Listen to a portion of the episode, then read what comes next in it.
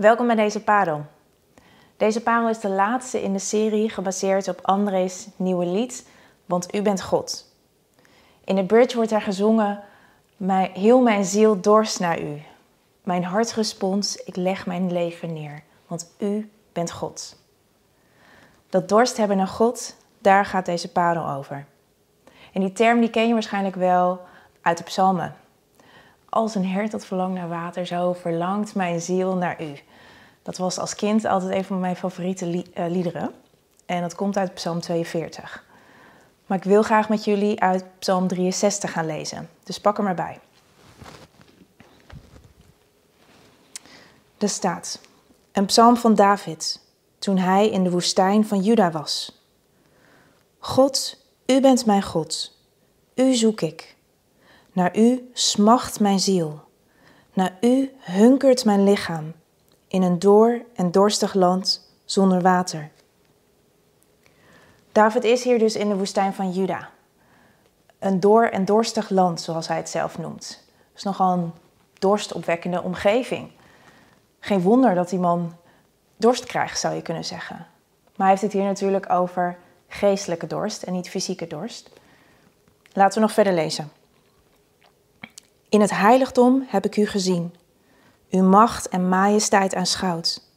Uw liefde is meer dan het leven. Mijn lippen zingen uw lof. U wil ik prijzen, mijn leven lang. Roepend uw naam de handen geheven. Dan wordt mijn ziel verzadigd met uw overvloed. Jubel ligt op mijn lippen. Mijn mond zal u loven. Liggend op mijn bed denk ik aan u. Wakend in de nacht prevel ik uw naam.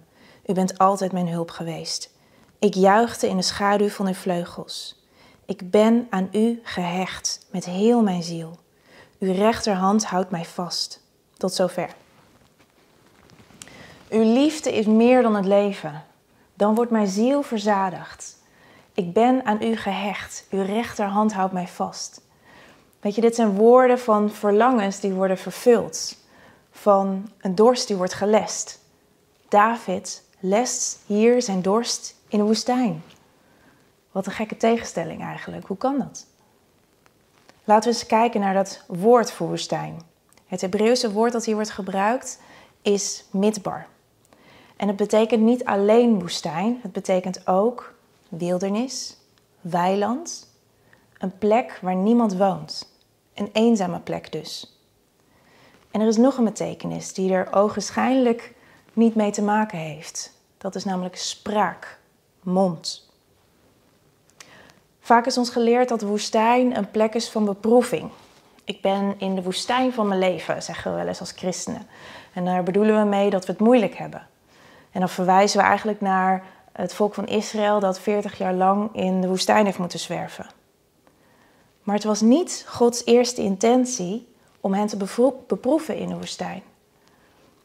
Uh, Mozes zegt namelijk tegen Farao in Exodus 5 dat hij het volk moest laten gaan zodat ze een feest ter ere van God zouden vieren in de woestijn. Maar toen God zichzelf op de berg aan het hele volk wilde openbaren, in Exodus 19, toen zei het volk: Nee, laat Mozes maar gaan.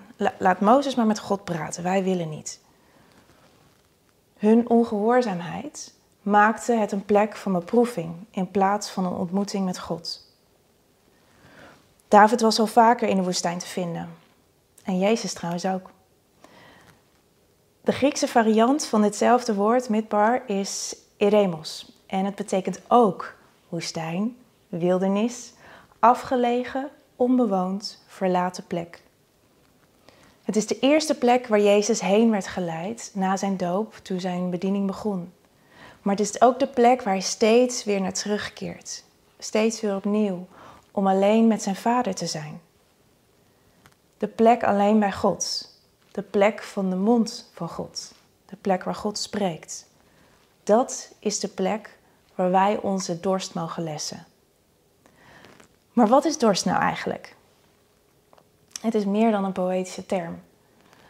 Ik wil een klein biologielesje geven over fysieke dorst. Want dat is een interne prikkel uh, die net als honger en moeheid en pijn uh, jou een signaal geeft. En daarmee jouw lichaam motiveert om je gedrag te beïnvloeden. Zodat je op zoek gaat naar hetgeen wat je lichaam nodig heeft. En in dit geval is dat drinken. Dorst heeft een urgentie. Het doet een appel op je. Het eist je aandacht op en ook je prioriteit. Door acht te slaan op dat signaal geef je je lichaam wat het nodig heeft om te leven.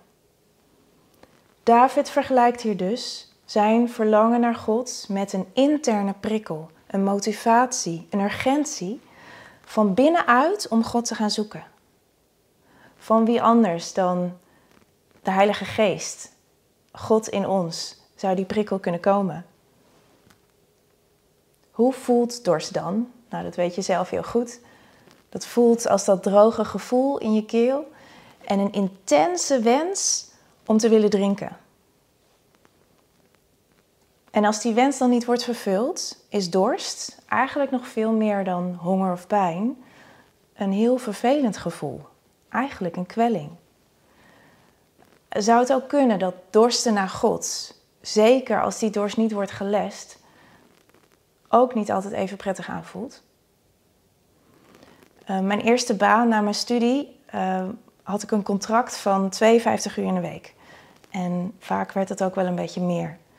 De werkdruk was ook hoog en ik had altijd haast. Ik liep niet op mijn werk of buiten mijn werk, ik beende altijd. En ik leerde ook mijn dorst te negeren, want dan hoefde ik ook niet naar de wc. Win-win, toch? Maar ja, je kunt het wel raden, erg goed voelde ik me er niet bij. Inmiddels is mijn werkdruk zeker wat minder, um, maar heb ik ook geleerd om er anders mee om te gaan. Um, maar ik heb nog steeds dat ik niet altijd even goed dorst voel. En als ik dan toch druk ben en ik voel me niet zo prettig, dan heb ik nu de gewoonte om even stil te staan en mezelf een aantal vragen te stellen. En de allereerste vraag, je raadt het al, is: heb ik dorst? En daarna komt: heb ik honger? Moet ik naar het toilet? En dan zijn er nog een paar. En als ik een van die vragen met een ja kan beantwoorden, dan probeer ik dat op dat moment eerst te doen voordat ik verder ga met mijn werk, meestal. Maar herken je dat? Dat je door drukte en door alle ballen die je in de lucht hebt, dat je weinig tijd hebt genomen om voor je ziel te zorgen. Um, en naar die plek met God alleen te gaan. Die plek waar God spreekt. Je voelt je misschien wel onprettig of ongemakkelijk, misschien niet op je plek, maar je staat niet lang genoeg stil om het een naam te kunnen geven. Herken je dat? Sta dan nu eens stil en stel jezelf die vraag: heb ik dorst? Heb ik eigenlijk dorst naar God? En als je die, eh, die vraag kunt beantwoorden met een ja, zullen we dan eerst weer die plek opzoeken, die midbar, die eenzame plek waar God spreekt? Het is zijn verlangen, Gods dorst, om onze dorst te lessen en ons te verzadigen met zijn liefde zodat Hij die droge, dorre plek in ons hart kan veranderen in een weelderige tuin. En dan mag de motivatie dan wat door zijn. Het doel is niet om van dat vervelende gevoel af te komen. Het doel is om tot leven te komen. In Hem, bij Hem. Het ding alleen met dorst is, het komt steeds weer terug. Weet je, mijn intake van vandaag is niet voldoende voor de rest van de week. Dus ik wil bidden.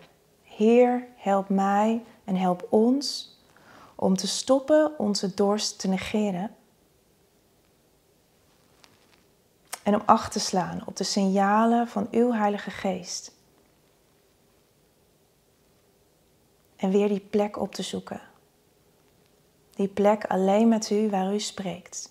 Door uw woord te lezen, door stil te zijn, door te luisteren, door bij u te zijn. Amen.